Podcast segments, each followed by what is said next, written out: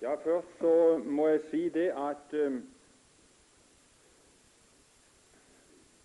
Jeg hadde visst nevnt et uttrykk i går og sa det at uh, det var som ble misforstått.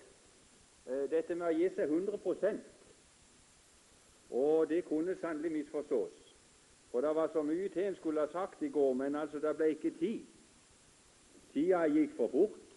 Det ble som Arnold sa, at det, det, det det, det, det, er så åpent at det var, det var ikke godt å få, få, sagt det en skulle si, så tida gikk.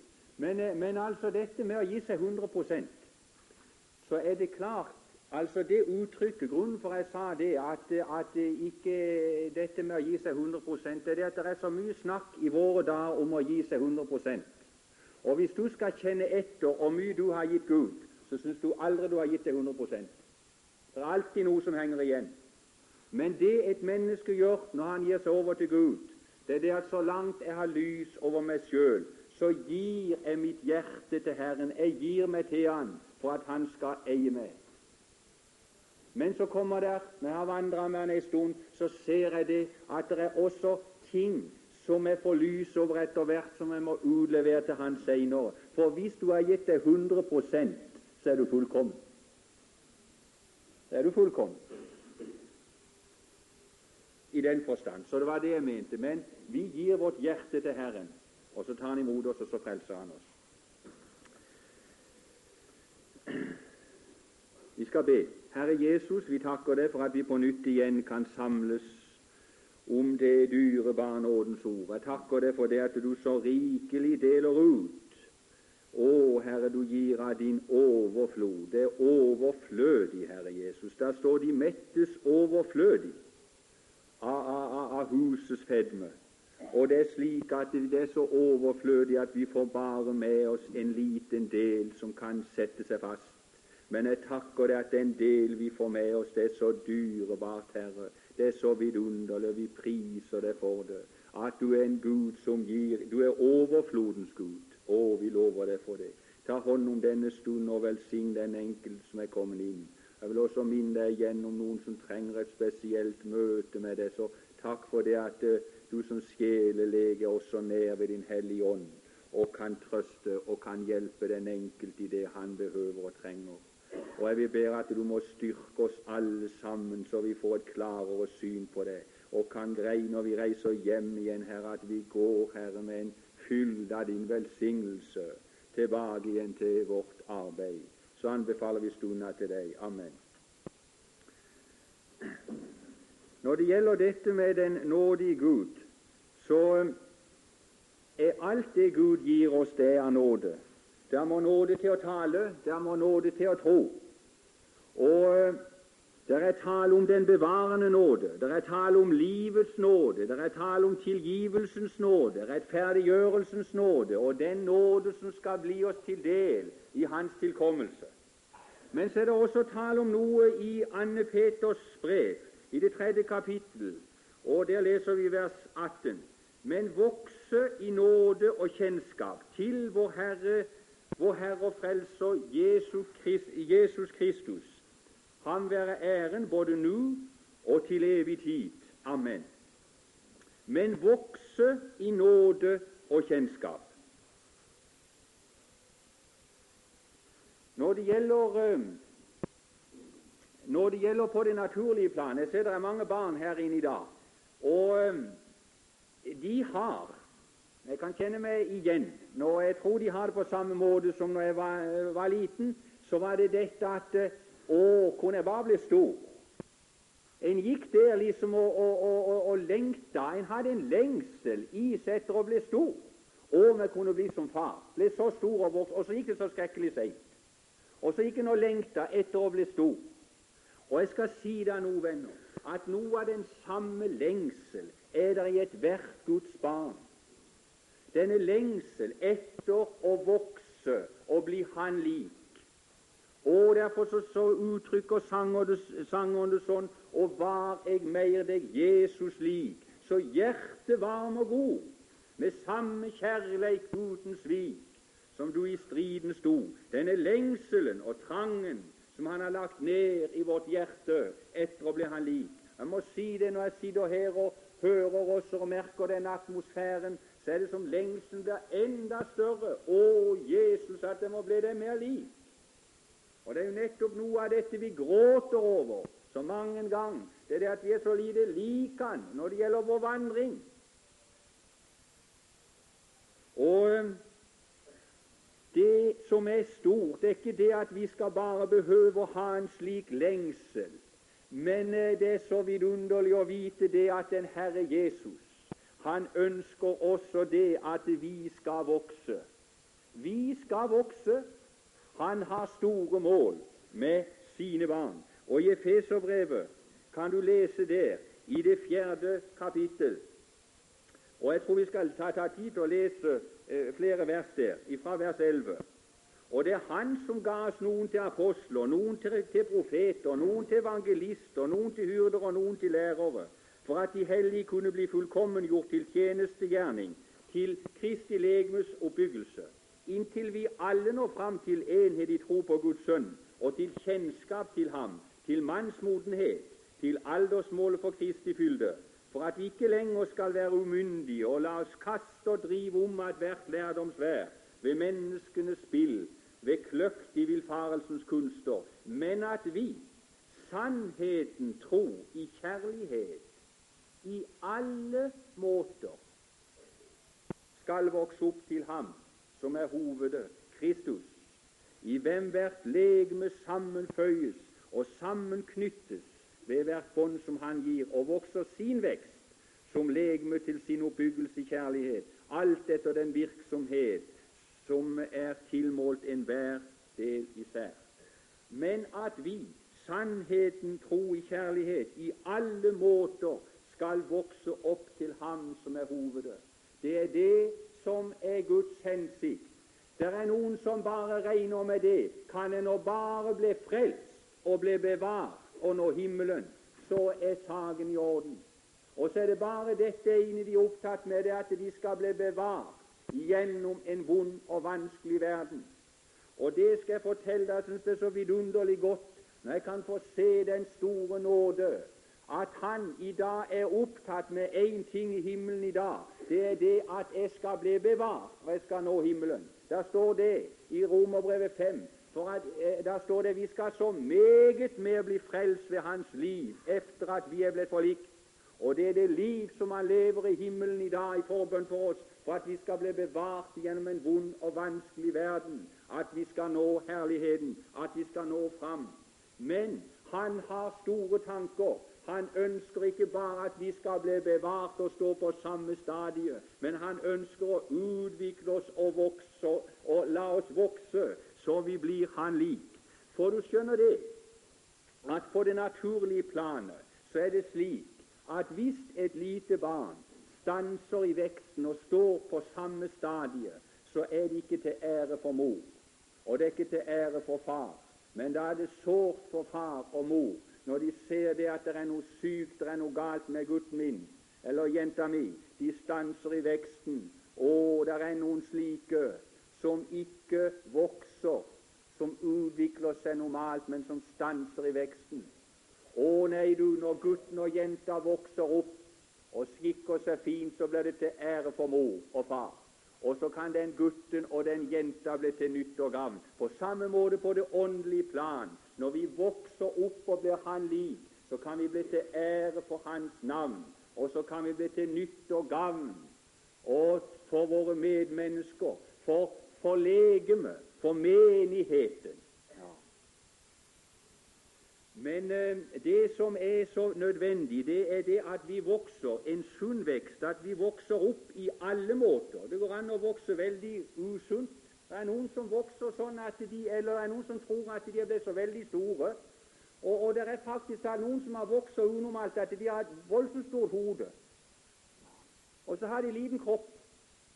Jeg vet ikke om du har truffet sånn. De har sånn voldsom kunnskap. De har det oppi hodet. Men det er forferdelig svært, altså. Det er forferdelig når det, er noen som jeg vet det er noen som har sånn stort vannhode. Det er så forferdelig. Det er unormalt. Et veldig, Jeg var, jeg var i, i, Bergen for, uh, for, flere år siden, og da var jeg inne der og så da inn på uh, sykehuset da lå der en stakkar med et forferdelig stort vannhode. Og det var, det, var, det, var, det var fælt å se på han. Det var ikke til ære, men det var vondt å se han der han lå, med dette hodet og så en liten kropp. Og det er troende mennesker som vokser sånn at de har et veldig stort hode, og så har de en liten kropp. Og Vil det si at de har en stort hode? Det vil si det at de har fått inn en kunnskap som ikke har blitt kjennskap. Og så kan de gå omkring og bravere seg med kunnskap. Og Nå skal jeg si deg en ting, venn, og dette er veldig viktig. Om du har gått på bibelskole og på bibelkurs og fått inn mye kunnskap, så gagner det deg ingenting hvis du bare har i kunnskap. Hvis ikke det blir kjennskap, det blir ditt eget, det blir noe som smelter sammen med det. Kunnskap må vi ha for å vokse, men hvis det bare stopper i hodet, så blir det feil. Og jeg vet om noen som har, en, som har vokst på en sånn måte. Jeg kan bare nevne noen eksempler når det gjelder det. Kjenner bl.a. noen som har det på den måten at de har, å, de har sånn et lys over ordet. Men når det gjelder livet og vandringer, så kan de leve akkurat sånn som de vil. Og ja, ja, kan leve nesten som de vil, men de har et veldig lys over forsoningen, at han døde for våre synder. Det er så klart alt sammen. Men livet svarer ikke til det lyset de har. Det er noe galt i veksten. Og eh, det er andre som har vokst så veldig unormalt at de, eh, når det gjelder deres lærere Jeg vet når det gjaldt både, både Aurebekk og Bjerkreim, så vokste de langt forbi lærerne sine. De hadde, de, de, de hadde, mye mer lys enn de hadde da de kunne ikke gå på vanlige møter, for det at det, det, det lå på forlatt plan. De var kommet så veldig høyt opp at de Å, du, det var så veldig. Og veldig stort hode. Men det er så godt å vite når det gjelder disse som jeg tenker på, så tror jeg Herren har fått stelle med de også. Så han har fått rive i stykker noe, så han har fått sett det at eh, de var visst ikke så store allikevel. For veksten i Guds rike å få et stort hode, å bli stor, men det er å bli liten. Det er å vokse nedover. Og eh, jeg kan bare ta fram noen når det gjelder Skal bare ta fram og vokse opp til Han. Så er det vidunderlig å legge merke til i Skriften. Det er noen som ved Guds nåde, som Herren har fått stelle med, så de har vokst, vokst opp, og så er de blitt så like Han. Og det er vidunderlig å være sammen med sånne folk. Ja, det er vidunderlig. For de tar ikke stor plass. Nei. Men det er sånn en vel, velsigna atmosfære, åndsatmosfære sammen med dem, og så har de noe å gi. Og Jeg kan huske for noen år siden jeg var på et møte sammen med Aurebekk, og så kom jeg til å lese, uh, lese om Stefanus. Jeg talte om Stefanus, om Stefanus som forbilde. Og Stefanus som forbilde, du, han det er vidunderlig du ser at han hadde vokst. Det var en sånn en vekst i han når det gjaldt åndskraft, at det der står de kunne ikke stå seg imot en ånd han talte av. Men det var ikke bare det at han hadde en åndskraft når han talte, men han hadde også et sinn som var så lik den Herre Jesus. For når det at steinene hagla om han, så sank han ned på kne, og så sa han, Herre, tilregn dem ikke denne synd, sa han. Han ropte ikke som David hevn over sine fiender, men han sa, Herre, tilregn dem ikke denne synd. Og så sovna han inn. Å, du verden, når jeg ser Stefanus seina ned, så var han så veldig lik Jesus. For Jesus, når Jesus hang på Golgata, så sa han, Fader, forlat dem, for de vet ikke hva de gjør. Kan du tenke deg sånn et sinn, når de hadde spigra han fast til treet, når, han, hang, når de hadde spytta på han og hånt han, så sa han, Fader, tilrem dem ikke, ikke, denne synd. Jo mer Jesus ble håna og spotta, jo mer han ble forakta og hun ser, jo mer velsignelse fløder ut av han. Jo mer åpenbartes dette sinnet, dette himmelske sinnet, som var så i motsetning til denne verden. Det er, det er, det er, det er guddommelig. Og sånn var Stefanus. Derfor er det vidunderlig å, å stanse ved han. Og Jeg kan huske Aurebekk når jeg hadde talt om han, så kom Aurebekk opp etterpå så sa han å, det blir lenge før vi blir som han, sa han. Det blir lenge før vi blir som han. Og det har jeg tenkt på seinere. For det, saken er nemlig den at veksten i Guds rike, det går ikke fort, men det går seint. Ja. Og, og, og, jeg tror det Jeg vet ikke om det var, var Arnold som nevnte det en gang, at, at jo høyere arten er, jo seinere vokser de. Ei døgnflue det, det, det, det, er ikke lenge før den er utvokst. Skal bare leve et døgn, den. Og du kan, ta, du kan ta dyr. Du kan ta en hest. Ja, han vokser så lenge. Tre-fire år utvikler seg, skal kanskje bare leve 20-25 år. Et menneske som skal leve 70 80 år. Vi kan utvikle oss. Vi kan vokse. Vi vokser inntil et visst stadig 17-18-19-årsalderen. Men når det gjelder vår forstand, så kan den fortsette å utvikles. Den kan utvikles. Inntil vi kommer til et visst punkt, så kan vi ikke utvikles noe lenger. Men når det gjelder vårt åndsliv, vi som er evighetsvandrere, som skal leve bestandig evig. Vi vokser. Så lenge vi lever her i denne verden, så kan vi vokse og bli Han lik. Utvikle oss hele veien. Derfor når jeg ser på noen av dere som har mista håret her Det er noen som det, det, det, går av alt her nå. Og sånn er det for meg også. Det begynner å minke. Men, men, men jeg tenker på er sammen med, med de eldre, med Hjalmar Berg-Hansen. Det er kolossalt. Og, og han har fått tilegnet seg av lys av kunnskap. Og det er ikke sånn når en blir eldre, at da, da synker en hen. Men, men altså, du, du, vokser da òg. Enn i grå herdet alder skyter de friske skudd, står det. Ja, sånn er det i Guds rike. Det er stigning hele veien. Det er ikke noe minking. Det er ikke det, er ikke det at når du blir gammel, så minker du, men det er stigning hele veien. Det er Guds mål. Og jeg må ta med en annen som vi har her i Skriften, og det er Paulus. Du verden, og, og, og, og, når du ser Paulus, og vidunderlig det skjedde med han. Og Det er et fint bilde der, syns jeg, fra Det gamle testamentet som jeg syns passer så godt for Paulus. Og det er, det er når det at vi leser om Samson. Så eh, kom der en gang ei løve imot Samson. Og eh, Så tok Samson denne løva og, og drepte løva. Da han seinere kom bort forbi stedet og skulle se til åtselet, så var det en bisvær inni løvas kropp. Og Samson var inne der, og så henta han ut ei honningkake. Honning. Og så spiste han av honningen. Du, er ikke forunderlig? Den, av den løva, den brølende løva, så var det skjedd noe. Når den løva døde, så kom det noe honning ut og honning i Skriften. Det, det, det, er, det er, Der står en god del om, om honning. Der står at honning den klarer synet. Da får du klart syn. Ja. For det er bildet på Guds ord.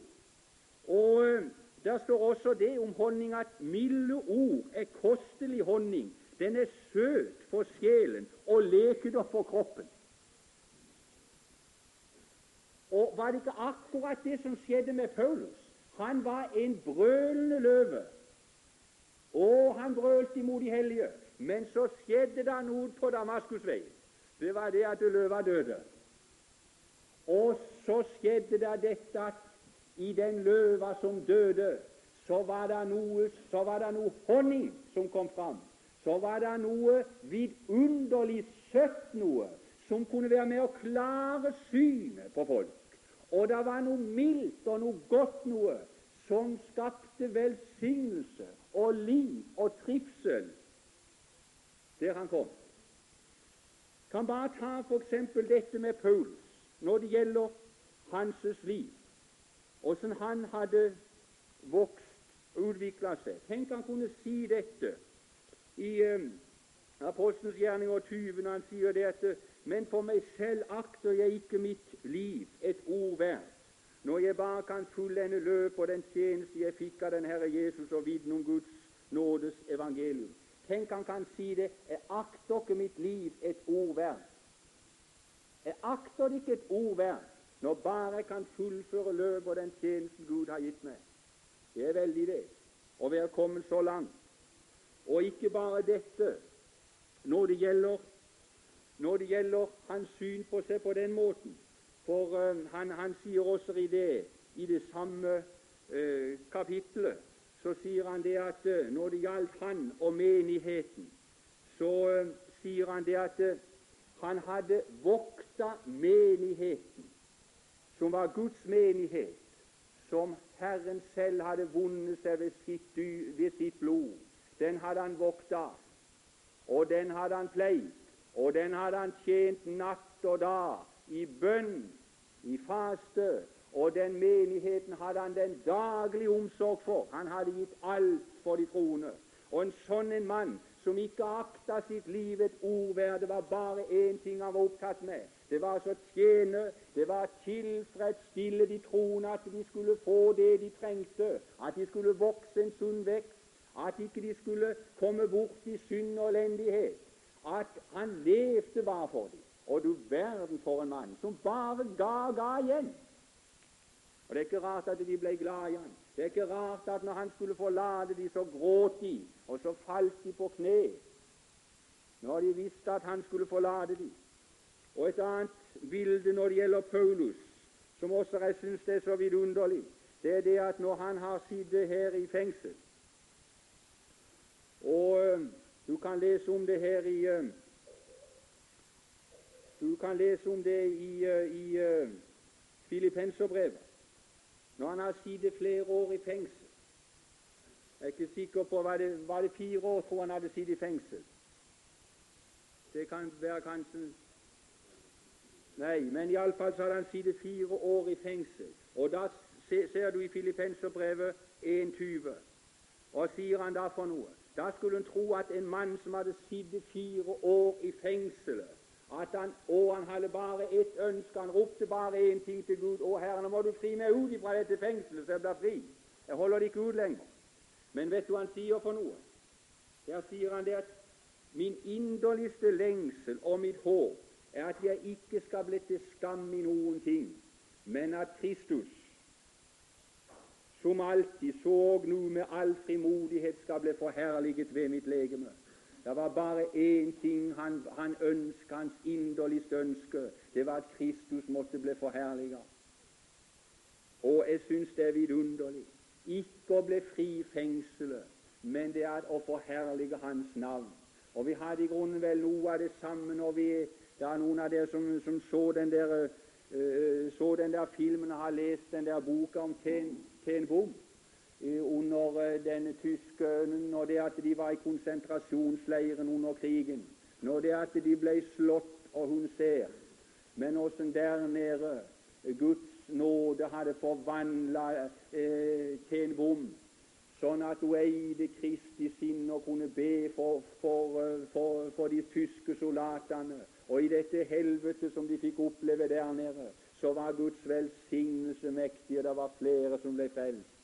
Å nei, det er godt å vite, du, at Paulus han visste det at skal jeg være i fengselet, vel, så er det for Herren gjør som Han vil. Men, men én ting jeg ønsker, det er at Hans navn skal bli forherliga her. Og det går an å forherlige Hans navn hvor du enn er, i hvilken situasjon du er. Det var hans inderligste ønske. Og um, vi kunne jo ta med så mange, så mange andre ting, trekk ifra hans liv når det gjelder hans sinn. Og jeg kan bare ta ett, det også når det gjelder de ufrelste. Og det kjenner du til. Når, når det gjelder de ufrelste, så var han sannelig ikke likegyldig for de. Men uh, han sier det at um, han hadde en, uh, en sorg. Det gjaldt jødene.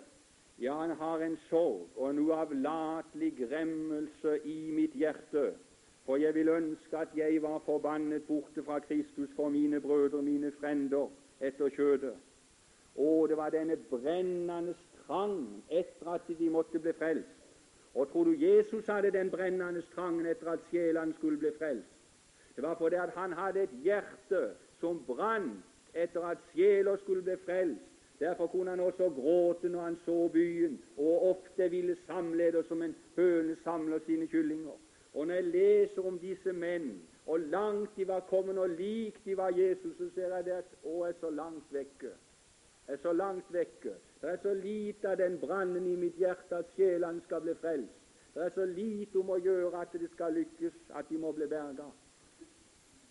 Og det er så lite av denne omsorgen for de andre og forbønnen for de andre. Tenker bare på dette med Paulus sin forbønnstjeneste, hvordan han kunne, kunne, leve i bønn for de troende. Så Vi er så opptatt med å be for, for de ufrelste, og det skal vi gjøre. Men, men, vi glemmer også mange ganger å be for de troende. Han ba for de troende. Be for hverandre. Jo da, dette sinnet Jeg skal si han hadde vokst men eh, så er spørsmålet hvordan skal vi vokse? Er det noen mulighet for oss å kunne, kunne bli at det kan bli noe fremgang, at vi kan bli av noe mer liv? Er det noen mulighet? Ja, gudskjelov at det er mulighet. Men skal vi vokse, så må vi vokse i det rette elementet. Må være det rette elementet. Men så kan vi ikke vokse. Og det rette elementet, det er å vokse i nåden. Ja. Det å vokse i det at vi er barn. I barneforholdet. I dette vi står. Vi har adgang til denne nåde i hvilken vi står. Det er i det elementet vi kan vokse. Jeg kan ikke vokse med å strekke meg. Med å prøve å gjøre meg til. Det nytter ingenting. Med å bestemme at nå skal jeg, nå skal jeg elske de ufrelste. Nå skal jeg elske fiendene mine. Nå skal jeg være lik Paulus. Jeg kan ikke det. Men jeg kan vokse ved å være i det rette elementet. Så kan jeg vokse. Og eh, hva er det vi vokser ved for noe? Da kan jeg bare nevne noen ting her. Og det er det at Noe av det som er vidunderlig, det er det at over alt dette så står det det at um, når vi er frelst, så har vi fått Den hellige ånd. Og Da står det i Filippenserbrevet 1,6 at Han som begynte den gode gjerning i eder, han vil fullføre den inntil Jesu Kristi dag. Vi har med andre ord fått Du har fått Den hellige ånd i ditt hjerte. Den hellige ånd har mange funksjoner. Han har mange funksjoner. Vi har fått han til pant. Vi har fått han til innseil. Han er kalt livets ånd. Det er den som skaper liv. Det er forvisshet om at det er frelst. Men han er også talsmann. En som er tilkalt til hjelp. En hjelper. Og han skal være i oss, står det. Og han har begynt en god gjerning i oss, og den skal han fullføre. Og hva er det for en gjerning han er opptatt med i oss? Jo, den gjerning han er opptatt med i oss, det er nemlig dette at vi skal vokse i nåde og kjennskap til Herren. Det er å forherlige Kristus. Det å gjøre Kristus herlig så jeg kan få se han. For hvis ikke Den hellige ånd gjør Kristus herlig, så kan jeg ikke få se han. Det er det samme og godt Bjerkan preker, og det er det samme og godt Berg-Hansen preker. Ser ingenting. Den hellige ånd som må forklare Kristus for hjertene, så det blir mitt personlig. Han skal forherlige. Han skal forherlige meg. Det er Den hellige ånds gjerning, og det er han opptatt med. Og hva er det Den hellige ånd bruker for noe? Ja, vi leste nå her at han bruker uh, Han bruker uh, han bruker bl.a. sine nådegaver. Vi leste om det i Efeserbrevet 4. Det er Han som gav oss noen til apostler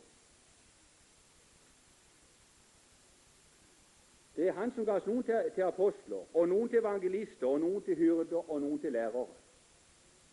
Hvorfor gjorde han det? Jo, for at vi skulle vokse. Du skjønner det at en, det, det, det, er vidunderlig fint. Når jeg var uh, Hun er her nå, min mor. Og hun var, når jeg var mindre, så var hun så skrekkelig redd for det at jeg ikke skulle få mat nok. Ja. Nå må du spise, sa hun. Nå må du spise. Og så lagde hun mat, og så satt hun og dytta det inn, og det var mange ganger det var så det sto nesten oppi halsen på meg. Men altså, hun dytta i meg. Nå må du spise. Hun trodde det at hvis ikke jeg altså fikk, fikk alt det hun ville ha i meg, så, ja, så kreperte jeg. Det var nesten sånn så var, Jeg ble så lei av mange jeg sa til henne jeg kan ikke ha mer mat. Men hun kjørte på. Måtte vokse. Nå var det det at jeg, jeg var nok akkurat av de feiteste den gangen. Men, men, men jeg, jeg, kunne ikke ha mer. Men altså, det hun var opptatt med hele tida, det var å lage til mat og gi meg det som jeg trengte for at jeg skulle vokse. Ja. Og hun lagde det så delikat som hun kunne. Og nådegavene, hva er det de skal gjøre? Ja, det er det at vi har noen nådegaver her. Hva er det de holder på med? Ja, de holder på å, å, å, å lage maten så delikat som mulig. Og så serverer de den. Hvorfor det? For underholdning? Og langt. For at du skal vokse i nåde og kjennskap til den Herre Jesus. Og Derfor er det et privilegium for oss å kunne sitte her på dette kurset og sitte ellers under de nådegaver Gud har gitt oss, og kunne ta til oss av det som de serverer ut ifra denne boka. Og det, For du skjønner, saken er nemlig den at eh, eh, når det gjelder Guds ord, så er det så mange ting som ikke vi kan ta. Når vi setter oss ned, så er det så vanskelig for oss å skulle ta det til oss og fordøye det så det blir vårt. Men det som er nådegavenes funksjon, det er å brekke sannhetene så små at du kan få, få det inn. At, kan, at du kan ta det inn. At det kan bli ditt. Gjør det klart for deg. Og det er vidunderlig når du får sitte og du opplever det at, det er no, at du er betjent av nådegave. Da er det herlig. Da, da sitter du, og så får du Så blir det ikke sånn at Uff, den der preken var kjørt. Var meg vel kjørt. Det var som bass. Fikk du noe? Nei, ingenting. Det var som bass. Jeg fikk ingenting. Får aldri noe, han der der. Men sier du en nådegave Å, du vet, da er det da er, da, da er ører og øyer på stilker. Da tar du inn, altså. Da, da får du noe. Og så blir du så tilfreds. Ja, det er vidunderlig. Betjent av nådegave. Gud har gitt oss nådegaver for at vi skal vokse. Men én ting vi skal være klar over, venner, at om jeg må understreke det igjen om du nå har fått inn dette i kunnskap, så er det ikke ditt om du bare har fått det inn i hodet, men du skal også ha det nede i erkjennelse. Og Vi skal komme til det litt senere, men vi skal først inn her. Men du må ikke tro om du kan det for det du har fått inn i hodet. Det vil vise seg i prøvelsens stund om du har vokst, om du kan, om du kjenner Han. Men øh, det er også andre øh, Ja, jeg må nevne det også, men faren er jo der når det gjelder nådegavene, at de kan dyrke dem. Det er farlig. For det var noen som, det var sånn på Paulus i tida. Noen holdt seg til Paulus, og noen til Apollos. Nei, Paulus, det er min mann. Men, men Apollos, nei, han er ingenting. Og noen sa nei, Apollos, det er min mann. Det, det, det er forkynneren. Altså han, han vil jeg ha, men, men, ikke de andre. Men du er det nådegaver som Gud har gitt, så trenger vi de alle sammen. Trenger de alle sammen. Alle nådegaver. De er gitt oss, og vi skal ta imot dem. Og ikke si nei, han vil jeg ikke ha. Derfor blir det så veldig galt at nå det, vet, Før snakket vi om at det var noe som het bjerkamianer. Ja, og så var det ikke, var det du, du, kalte de Arnold. Det var, det var de som bare føyk etter Aurebekk. Han kalte de for Auryngel. Ja, de bare føyk etter han. Men, eh, men, altså i en forstand så kan en forstå det, for det at der fikk de mat. De fikk noe for sin sjel, og så måtte de gå der og høre.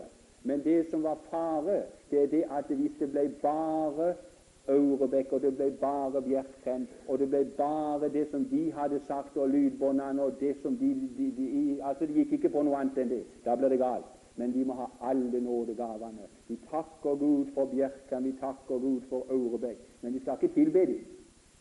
For de er gaver ifra Gud, og deres hensikt er å betjene oss for at Hans navn skal bli æra for herliga. Og så må jeg nevne en annen ting. Han har ikke bare gitt oss eh, eh, de som taler, som er lærere. Han har gitt oss òg hyrder. Det er godt. Men, men, men, jeg tror også det er noen som har fått en, en sangens gave. En sangens gave. Og Derfor blir jeg så inderlig krøyt når jeg hører på dette hula hei. Hula hei. Det er forferdelig. Også når de står der og vrikker på rumpa og står der og Ja, jeg må si det er, det er, det er, det er veldig alvorlig. Å, vekk med alt det der. der. Det er bare én ting det er om du kunne gjennom sangen kunne være med på å herlige Hans navn. Og Derfor merker du også når det er noen som står der og synger til Hans pris, så kjenner du de har et budskap, og det budskapet det skal være med å oppbygge deg. Det skal være med at du skal vokse i nåde og kjennskap til den Herre Jesus. Og um, Jeg må nevne også noe annet som Han har gitt oss, og det, det, er, jo, det er, jo, det som det går ut ifra alt. Det er Guds ord. Der, der, står det i, um, i 1. Um, Peters uh, brev 2, det kjente verset der, og det må dere slå opp. Det er unge, dere må slå opp det. Første Peters brev.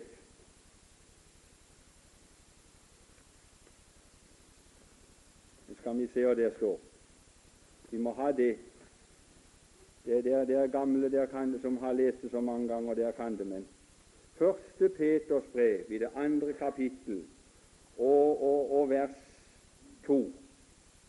Og der står det Og lenge som nyfødte barn etter den åndelig uforfalskede melk, for at I kan vokse ved den til frelse. Ja. Lenge som nyfødte barn etter den åndelig uforfalskede melk. Og det er, det, er, det er, fint når du ser spedbarn. De kan i grunnen bare en, de, de, gjør i grunnen bare, bare én ting. Det er altså å spise, og så sover de. Ja, de skriker òg når ikke de får mat. Så skriker de, og så spiser de, så sover de. Og så vokser de. Ja, de vokser. De spiser. De drikker mors melk, og så skjer det noe i kroppen som gjør at de vokser. Og når er Guds ord det er sammenlignet med den åndelige, uforfalska melk, det er, der er, der er, mange Der er, der er, der er noe sånn noe opplanda melk. Opplanda. Det var, det var en som, eh, som, eh, som arbeidet en plass, og han fikk oppleve det at når han skulle få melk der, så hadde de blant, blant vann i melka. Så var opplanda. Men, eh, men, men, men, Guds ord, når du får det rett ifra Guds ord, uten at du har gått gjennom en hel masse professorer og teologer som legger en hel masse til og sier det skal forstå sånn og sånn.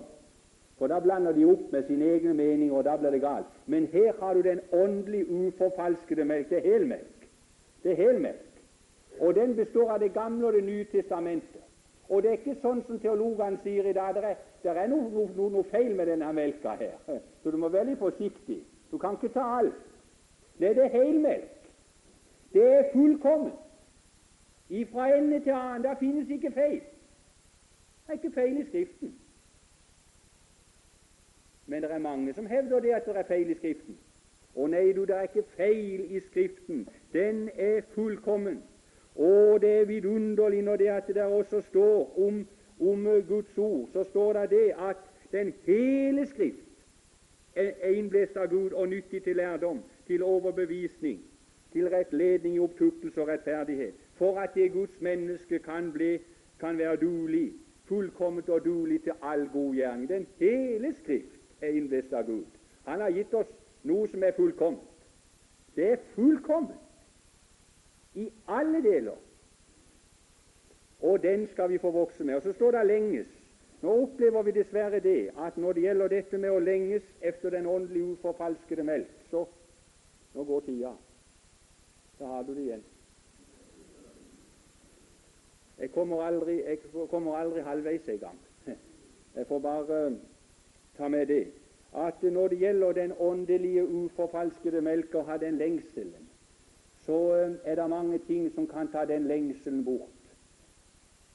Ja, der, er, der, er, der står noe i, i Salme 1 om, eh, om, om, de som har sin lyst i Herrens lov. Med andre ord sin lyst, sin lengsel. Det er noe som kan ta lengselen bort ifra denne boka her. Og jeg må bare få lov til å si det til dere, venner, at det er veldig farlig å bare leve på andagsbøker. På andagsbøker.